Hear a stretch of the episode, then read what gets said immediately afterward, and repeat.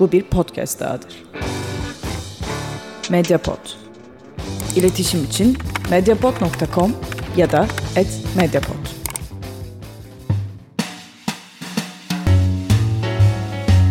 Hayatın denklemleriyle bilimin teorisi. Gayri safi fikirler. Gayri safi fikirlerin yeni bir bölümünden herkese merhaba. Ben Ömer Faik Anlı. Yine bir solo programla karşınızdayım ve ne zaman bir daha Tansel Erdem'le karşılıklı program çekeceğimizi artık ben de merak ediyorum. Esasen aramızdaki bu uzaklık ikimizin de ayrı ayrı yoğunluğu özellikle benim ders yoğunluğuma bağlı olarak gerçekleşti. Ama çok yakında başta 2400 serimiz olmak üzere ikimizin sesini bir diyalog içinde duyacağınız günler gelecektir buna emin olabilirsiniz. Bugün yine derin mevzular üzerindeyiz ve karşımızda aslında hepimiz için belki de çok popülerleşmiş olan Yuval Noah Harari'nin Sapiens kitabından bir bölümle başlayacağız. Sapiens içerisinde Harari modern bilimsel devrimle açığa çıkan değişimi aslında cehaletin keşfi olarak niteler ve açığa çıkan bu farkı bizim için görünür kılmak için bir İspanyol köylüsünü ve Kolomb'un mürettebatından birisini zihninde bir zaman yolculuğuna çıkartır. Öyle ki bin yılında uyuya kalıp 500 yıl sonra Kolomb'un mürettebatı Nina, Pinta ve Santa Maria gemilerine binerken uyanan bu köylü için dünya halen çok tanıdıktır. Buna karşın o mürettebattan herhangi biri benzer bir uykuya dalıp 21. yüzyılda bir iPhone'un sesiyle uyansa etrafındaki dünya tanıyamayacağı kadar yabancı ve belki de akıl sağlığını koruyamayacağı kadar farklı gelirdi. Bu farkın görünür somutlukları teknolojik karşılaştırmalar üzerinden açığa çıkıyor. Günümüzün tek bir savaş gemisinin Kolomb döneminin bütün donanmalarını yok edebilecek güçte olması, günümüzün tek bir yük gemisinin o dönemdeki tüm ticaret filolarının tüm kargolarını taşıyabilecek kapasitede olması, modern bir bilgisayarın o dönemin tüm bilgi birikimini ve hatta güncel enformasyon birikimini bile rahatlıkla depolayabilecek kapasiteye ulaşmış olması, üst ve altyapı inşaat teknolojilerindeki gelişim, elektriğin kentlerin olağan ve temel enerji kaynağı haline gelmesi. 1873'te dahi sadece Jules Verne'in hayallerinde olan dünyanın etrafında 80 günde dolaşılabileceği fikrinin günümüzde bir orta sınıf mensubu için bile 48 saatlik gerçek bir yolculuğa dönüşmüş olması. Gene Jules Verne'in bir hayalinin 20 Temmuz 1969'da gerçekleşmiş bir vakaya dönüşerek insanın aya ayak basması. 1674'e kadar varlıklarından bir haber olduğumuz mikroorganizmalar üzerine bugün onların RNA'larına müdahale ederek aşı geliştirilmesi ve 16 Temmuz 1945'te tam olarak sabah 05.29.45'te ilk atom bombasını New Mexico eyaletinin Aloma Garda şehrinde patlatılması. Aslında tüm bunlar işte bu somut farkın öncesi ve sonrası farkının görünür ve ölçülebilir örnekleri. Ayrıca tabii ki kötü örnekleri ve kötü anılarımızı da canlandıralım. Hiroşima ve Nagasaki'ye atılan atom bombaları insanlığın teknolojiye tahvil ettiği bilgiyle kendi somut varoluşunu yok edebilecek güce ulaştığını gösteriyor. Diğer bir deyişle 1945'ten bu yana ekonomi politikteki değişimlerle yaşanacak bir homojenleşmeye veya çelişki ve veya çatışmaların sona ermesiyle erdirilmesiyle değil, kendimizi yok etmek yoluyla gerçek anlamıyla tarihin sonunu getirebilecek güçteyiz. Bu gücün bilincine dair en iyi örnek sanırım Robert Oppenheimer'ın ilk patlamayı gördükten sonra şu sözleri söylemesinde gizli. Ben artık dünyaları yıkan ölümün kendisiyim. Bu noktaya varan modern bilimsel devrim sürecinin kökenindeki ironik biçimde cehaleti kabul etmek yani bilmiyoruz diyebilmek noktası vardır. Ki bu nokta bize aslında Sokrates'ten bu yana çok tanıdıktır. Çok uzun süreler unutsak hatta zaman zaman halen unutuyor olsak bile. Bilmiyoruz. Cehaleti kabullenmek. Ancak burada tabii ki bir nüans var. Bu hiçbir zaman hiçbir şey bilemeyeceğiz anlamında veya her zaman gerçekliğin cahili olacağız anlamında değil. Öncelikle bir konu hakkındaki bilgisizliğimizi kabul etmekle ancak ve ancak gerçek bir araştırmanın doğruya yakın bilgi üretiminin başlayabileceği kabulü anlamında bir sıfır noktası olarak cehaleti kabullenmekten bahsediyorum. Ama bu bir ironi.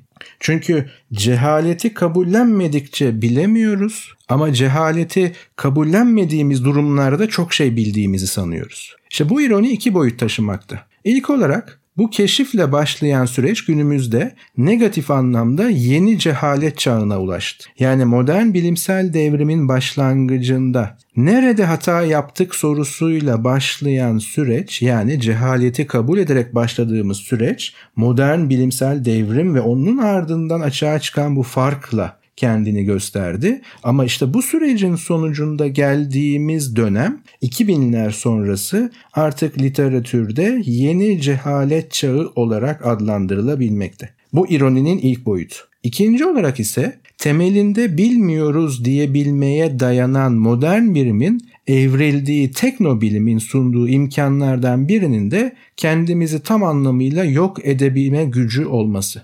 Söz konusu olan teknobilimin bilgi yapıları ile o bilgiyi ve ona bağlı güçleri kullanacak insanların hem kendileri hem de bu bilgi üzerine meta bilgilerinin nitelik ve derinliklerinin örtüşmemesi. Bunu şöyle açıklayabilirim. Çok şey yapabilecek bilgiye sahibiz insanlık olarak. Bu teknobilim dediğimiz sürecin çıktıları inanılmaz ve muazzam boyutta. Ama bu tekno temelinde yer alan doğayı, gerçekliği bilmeye dair, bunu nasıl yaptığımıza dair bilgimiz ise insanlık genelinde çok kısıtlı. Yani bir anlamda insanlık olarak yapıyoruz ama nasıl yaptığımızı bilmiyoruz. Diğer taraftan bu bir beşeri problem olduğu için doğaya ilişkin bilgimiz gelişmekle beraber kendimize ilişkin bilgimiz çok ciddi anlamda sorunlar taşıyor. İşte bu örtüşmezlik durumu bir başka açıdan şöyle de betimlenebilir. Bilgi yapıları için odak doğadan topluma geldiğinde, insanlığa geldiğinde hemen her şey halen bir inanç meselesi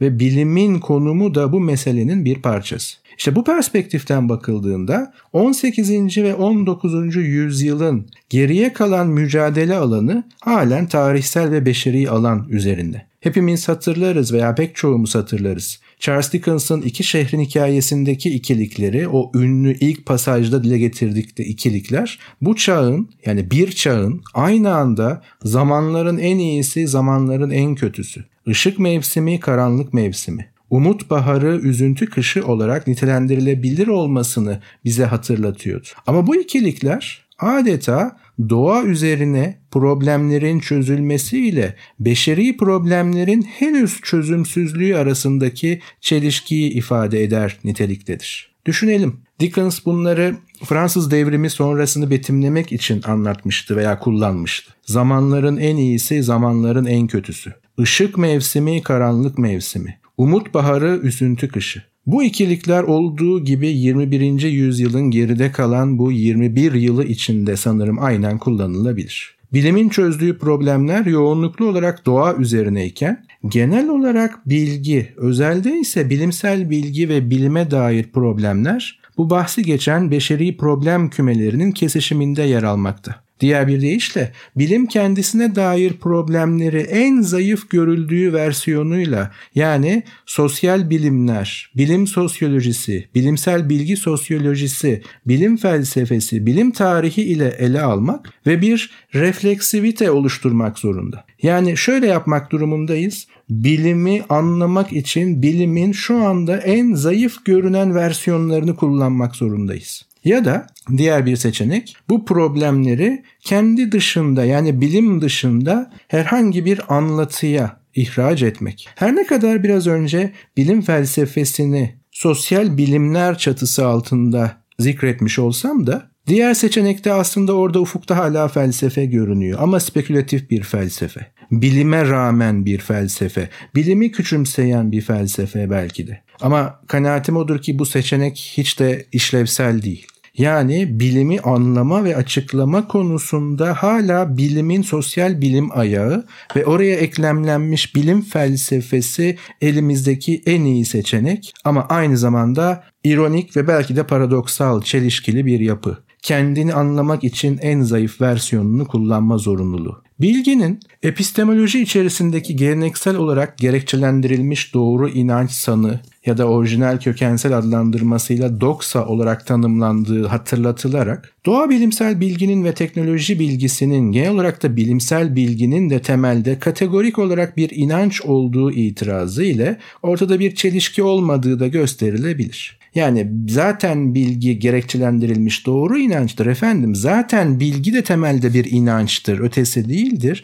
E o halde diğer inançları nasıl ele alıyorsak bunu da öyle ele alabiliriz denebilir. Oysa arada çok ciddi bir fark var. İnsanlar başından beri gerçekliği anlamaya ve açıklamaya ve bu anlama gelecek biçimde gerçekliği bilmeye çalıştılar şüphesiz. Ama kategorize etmek ve ölçütlendirmek, derecelendirmek gerekirse ve belki de katmanlandırmak gerekirse bu bağlamda bilmek öncelikle herhangi bir şeyi bir nesne, bir fenomen olarak teşhis edebilmek, ardından o nesne ya da fenomen hakkında veri sahibi olabilmek, üçüncü adımda, üçüncü boyutta, üçüncü katmanda o nesneyi, fenomeni sınıflandırabilmek ve tarif edebilmek, tarifleyebilmek, betimleyebilmek ve nihayetinde son aşamada onun varlığa gelişini, açığa çıkışını ve değişimini nedensel olarak açıklayabilmek boyutlarını taşımalı. Şimdi her şeye biz bilgi derken bu dört boyutu gözden kaçırıyoruz. Yani şu da tabii ki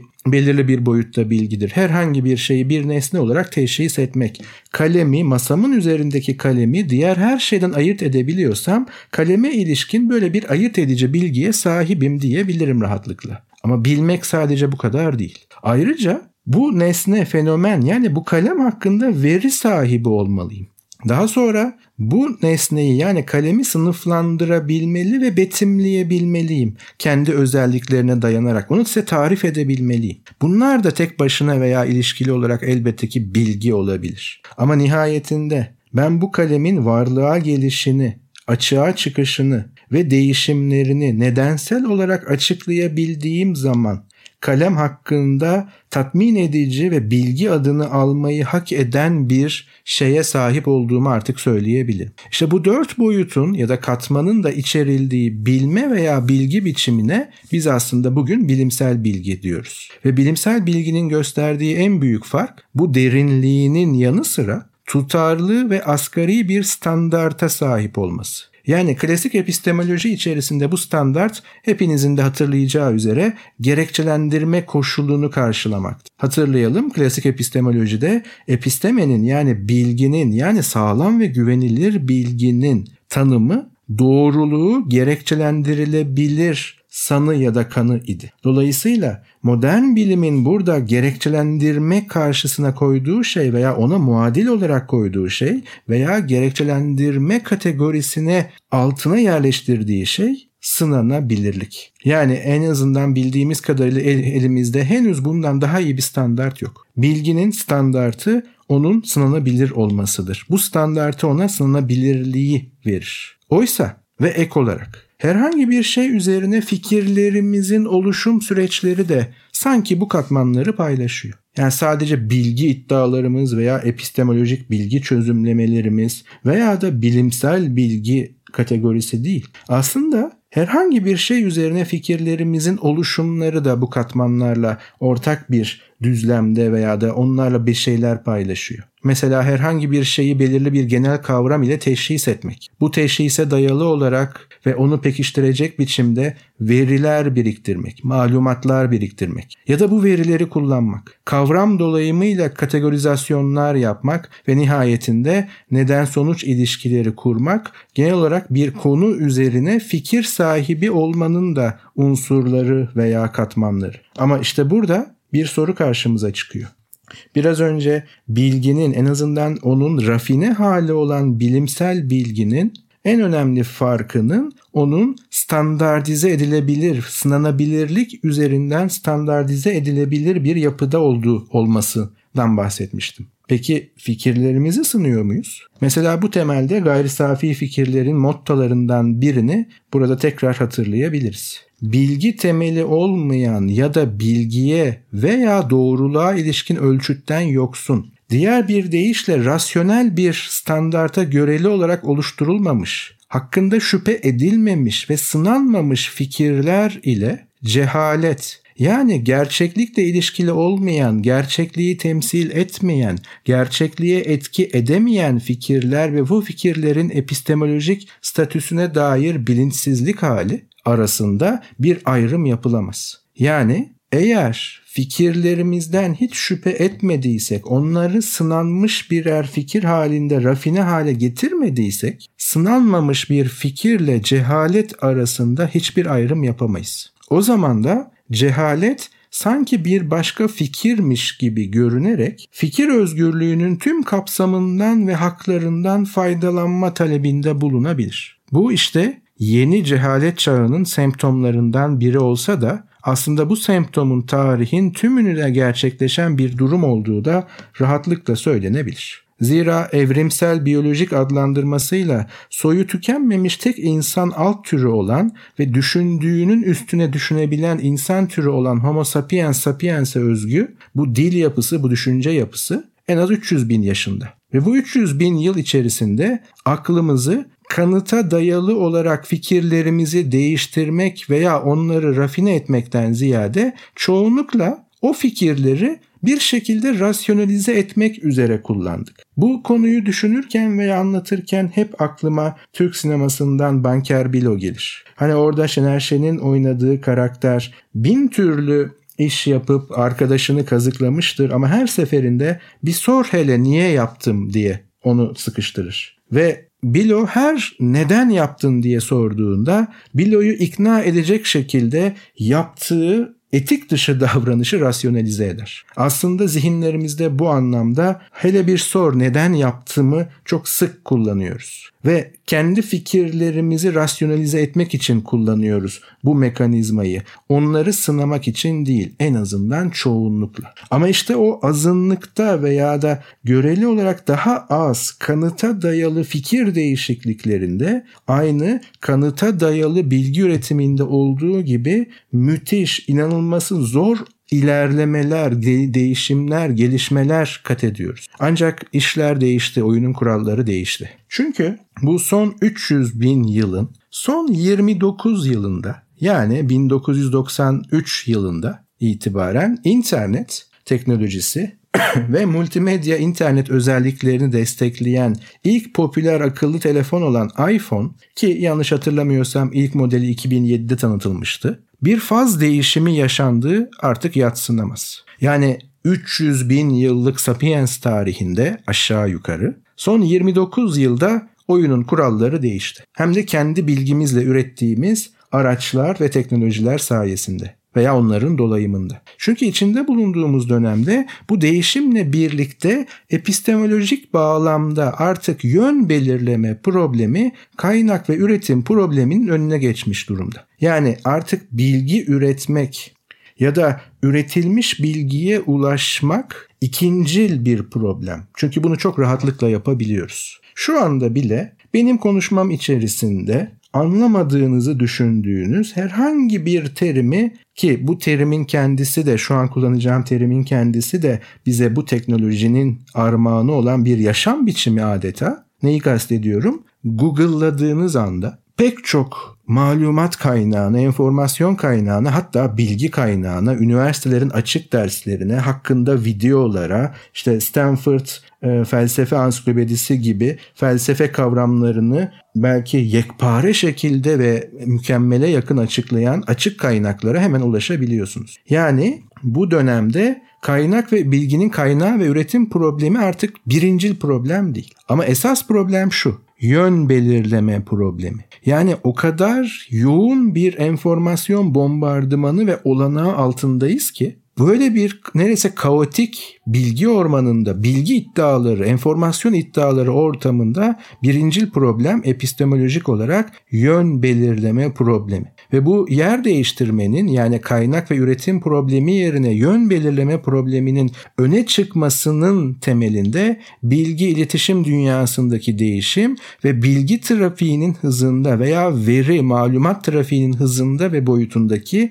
üstsel artış yatmakta. Öyle ki mal, hizmet, sermaye ve insan gücünün serbest hareketi üzerine kurulu olan küreselleşme en azından iktisat teorilerinde veya iktisat bilgilerinde böyle tanımlanıyor. Mal, hizmet, sermaye ve insan gücünün serbest hareketi üzerine kurulu küreselleşme. Veri ve bilgi trafiğini de kapsamaya başladığında özellikle internet ile birlikte tüm avantaj ve dezavantajlarıyla tabii ki bir yan etki olarak tekten teke, tekten çoka ve nihayetinde çoktan çoka yayılımı ve buna bağlı bir ağ yapısını da yarattı. Artık bu çağda, bu ağda açığa çıkan fark bilginin klasik ekonomide tanımlanmış olan kıt kaynaklar arasından çıkmış olması. Yani hemen şöyle düşünelim tabii ki bir düşünce deneyiyle hani o kadar yaşlı mıyız emin değilim ama bundan bir 50 yıl önce bir 60 yıl önce bilgiye ulaşmanın veya bir kaynağa ulaşmanın zorluğunu düşünelim.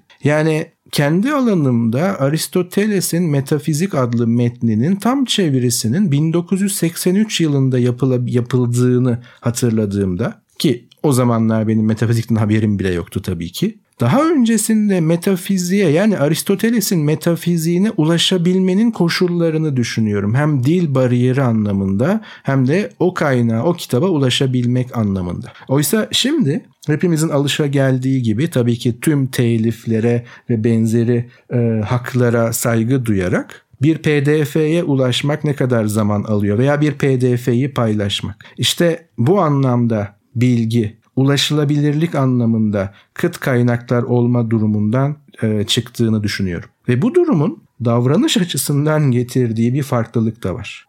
Çünkü bilgiye gitmek yerine doğru bilginin özümsenmesinin daha önemli olması söz konusu. Bu aynı zamanda gitgide sayı düşüyor tahminimce. Çünkü herkes Facebook'u terk ediyor. Ama halen 2.2 milyar üyesiyle çoğu sessiz ama takipçi olan vatandaşlarıyla sanal bir ülkeye dönüşen Facebook'un ve vatandaş haberciliğinin mecrası olmakla beşeri problemler üzerine tartışma forumu olma özelliklerini bir araya taşıyan Twitter'ın birer baskın mecraya ve tabii ki son zamanlarda özellikle ülkemizdeki gelişmelerle beraber YouTube'un ayrı bir medyaya bir haberleşme, bir haber alma, bir farkına varma mecrasına dönüşmesi. Klasik ansiklopedi biçimini ve hatta içeriğini tümüyle değiştirmiş olan Wikipedia'nın ve tüm tabii ki çöpleriyle birlikte Google'ın birer kaynak olarak kullanıma hazır el altında şeylere dönüşmesi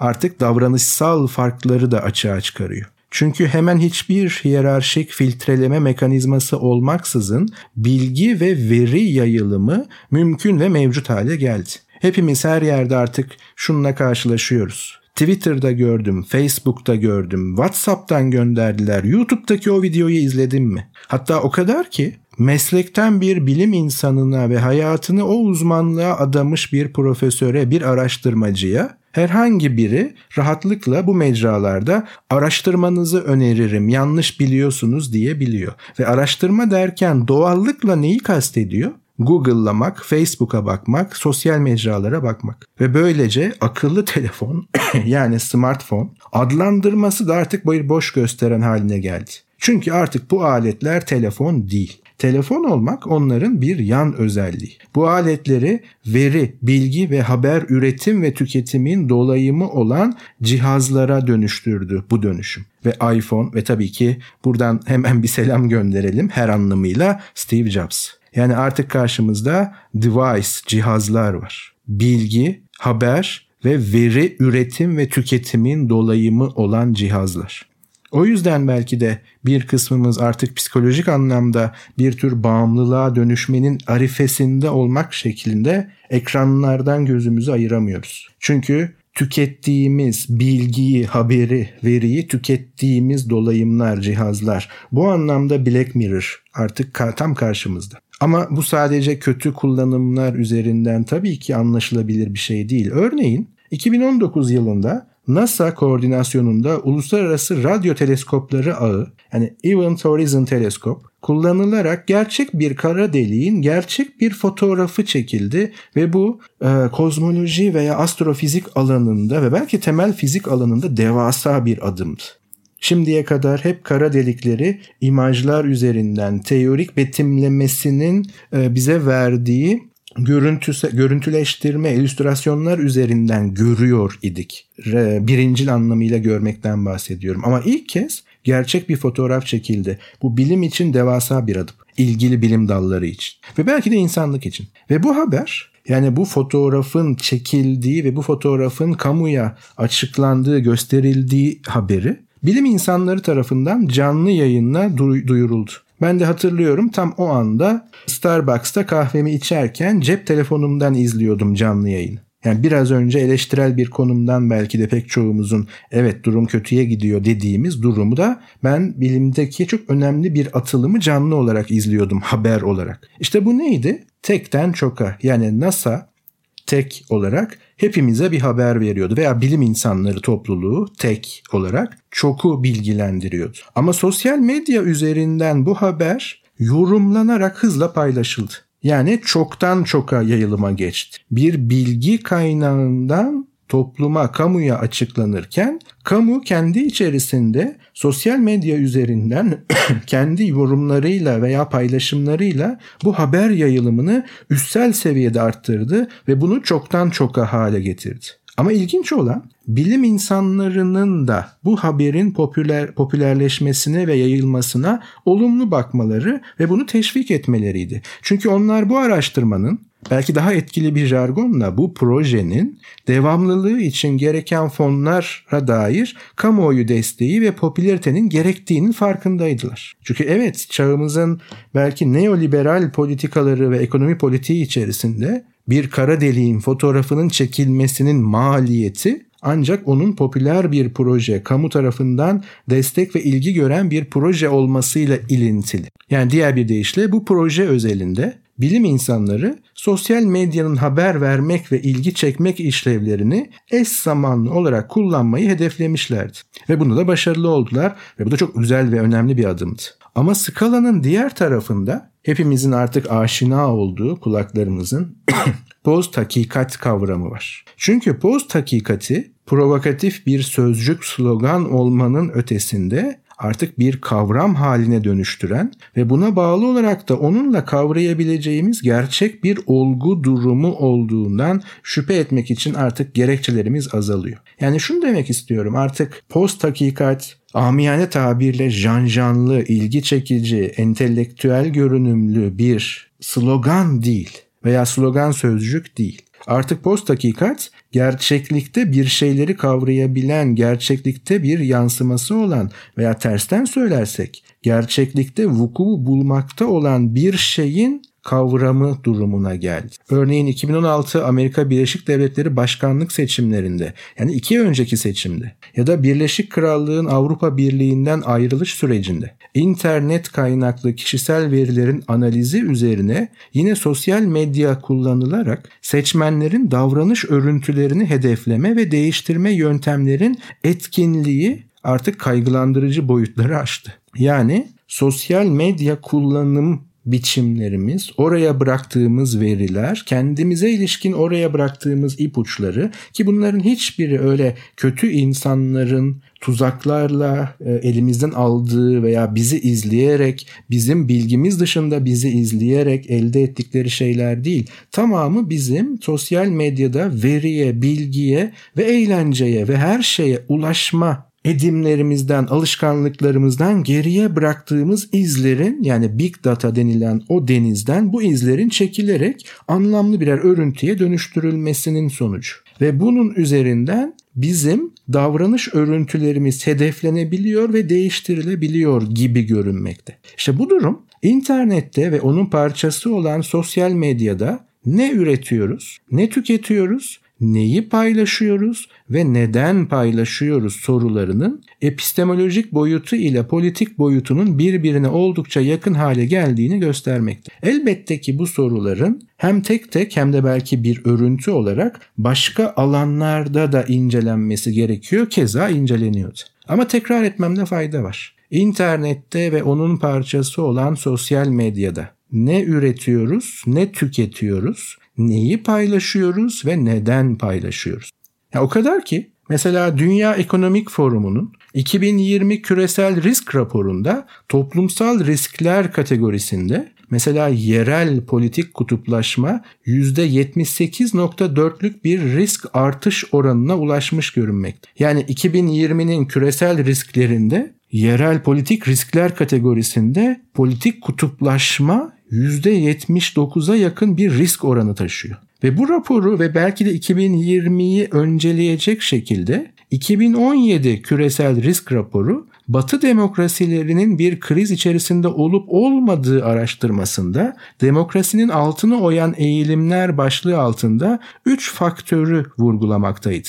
1. Ekonomi ve teknolojideki hızlı değişim. 2. Sosyal ve kültürel kutuplaşmadaki derinleşme. 3. Post hakikat politik çekişmeler. Aynen bu terim ve kelime de raporda geçmekte. Tüm bunlarla ve tabii ki doğrudan üçüncü eğilimle yani post hakikat politik çekişmelerle ilişkilendirilen etken ise sosyal medya ve bilginin tahrifatı başlığı altında analiz edilmekte. Şimdi podcast'i biraz geri saralım. Fikirlerimizi sınıyor muyuz diye sormuştum fikirlerimizi sınamadığımız ve rasyonelitemizi yani aklımızı hele bir sor neden böyle düşünüyorum deyip kendi kendimizi ve bazen muhataplarımızı ikna edecek şekilde sürekli sürekli sürekli korumaya aldığımızdan bahsetmiştim. İşte post hakikat politik çekişmeler ve bu kutuplaşmanın altında fikirlerimizin asla yanlış olamayacağı fikri yatıyor veya meta fikri yatıyor. Çünkü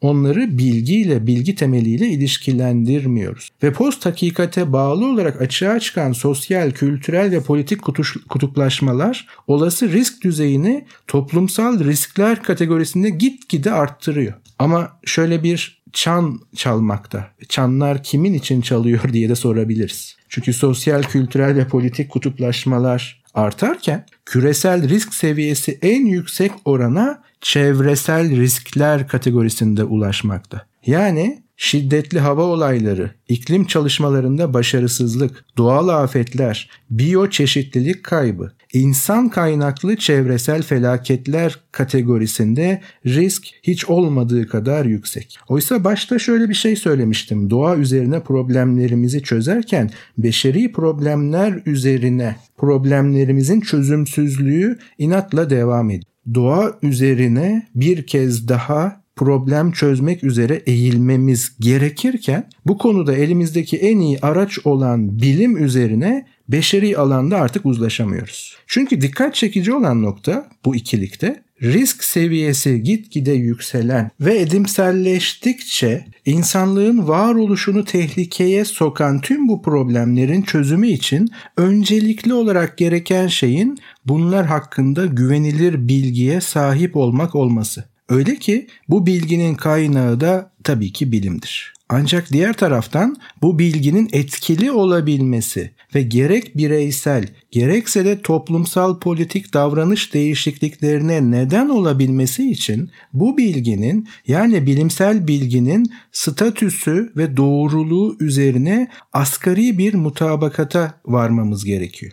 O halde ortada bir meta paradoks var. Yaklaşmakta olan ve hatta tam içerisinde yer aldığımız küresel iklim değişikliği ve ona bağlı felaketleri ve benzer çaptaki küresel salgınları ve benzerlerini en az hasarla atlatabilmek için bilime ve bilimsel bilgiye ihtiyacımız var. Ayrıca bu ihtiyacın mevcudiyeti ve ihtiyacımız olan şeyin statüsü ve doğruluğun kendisi hakkında bir meta uzlaşıya da ihtiyacımız var. Ancak bu meta uzlaşının sağlanabilmesi için gerekli olan meta bilgi yani bilgiye dair bilgi, bilimin bilimi, epistemolojinin epistemolojisi post hakikat koşullarında bir müzakere masasının konusu durumunda. Ancak bu masada her ne kadar kurallar müzakere edilecek olsa da post ön eki Demokles'in kılıcı misali tepede sallanmakta. Post hepinizin bildiği üzere post ön eki daha doğrusu önüne geldiği kavramın ve onun temsil etme iddiasında olduğu gerçeklik unsurunun artık önemsiz veya gereksiz olduğunu belirtmekte. Ama tabii ki post ön ekinin etimolojik kökenlerine bakarsak sonrası anlamına geldiğini görürüz. Ancak benim kanaatim odur ki her nerede post ön ekini görürsek postmodernizm, post hakikat, post pozitivizm her seferinde bir önceki yani o postun önüne geldiği kavramın artık önemsiz ve gereksiz olduğunun işaretidir. Hakikatin önemsizleştirilmesi, yalan söylemenin veya yalan söylemesinin birinin artık umursanmıyor oluşu, hatta doğruyu söylemek artık fabrika ayarlarımızdan biri olarak görülmemesi, işte içinde bulunduğumuz dönemin post hakikatin özelliklerinden bir kısmı. Yani son kısmı tekrar etmek hoş olabilir doğruyu söylemek artık fabrika ayarlarımızdan biri olarak görülmüyor. Öyle ki post hakikat nesnel olguların kamuoyu oluşturmada duygulardan ve kişisel inançlardan daha az etkili olması durumu şeklinde tanımlanmakta. Yani hiçbir kanıt benim fikrimi değiştiremez çünkü fikrimi seviyorum. Bu durumun büyük bir bölümünü psikoloji terimleriyle anlamlandırabilir ve hatta açıklayabiliriz elbette. Zira temelde mesele iletişim içerisinde bir davranış kalıbı olarak yalan söylenmesine karşı tepkimiz ve yalan söylemeye dair motivasyonlarımızla ilgili gibi görünmekte. Bu bağlamda yeni bir şemsiye kavram da kendisini göstermekte. Bu da samimiyet ve gitgide yaygınlaşan mottosu da şu yalanlara dayansa bile duygusal açıdan dürüst. Hani diyoruz ya en azından samimi. Halbuki yalana ilişkin önemli boyut belki de politik. Bu karşıtlık ve dualite ilişkisiyle yapılanmış epistemolojik doğruluk yanlışlık ikilisiyle yoğun kesişimler taşıyan yalan sözcüğüyle ilişkili 50'ye yakın sözcük var. Mesela kurgu, kasıtlı yanlış cevap, gibi yapmak, rol yapmak, uydurma üretim, uydurmak, gerçek dışılık, sahtelik, palavra, şarlatanlık, asılsızlık, boş laf, beyaz yalan, hilekarlık, kaçınmak, gibi yapmak, hikaye anlatmak, sanrı, hayal ve benzerleri. Politik hedefler için yalanın bu versiyonların hemen hemen tamamının tarih boyunca kullanıla geldiği açıktır. Ancak günümüzde yapılan bir çalışmada Twitter'da dolaşıma girmiş, teyit edilmiş tüm doğru ve yanlış haberlerin dağılımları araştırıldı. Veriler 3 milyon kişi tarafından 4,5 milyondan fazla kez tweetlenen 126 bin hikayeden oluştu. Yanlış bilginin ve yalanın tüm bilgi kategorilerindeki hakikatlerden yani doğrulardan önemli ölçüde daha uzağa, daha hızlı, daha derin ve daha geniş bir şekilde yayıldığı açığa çıktı.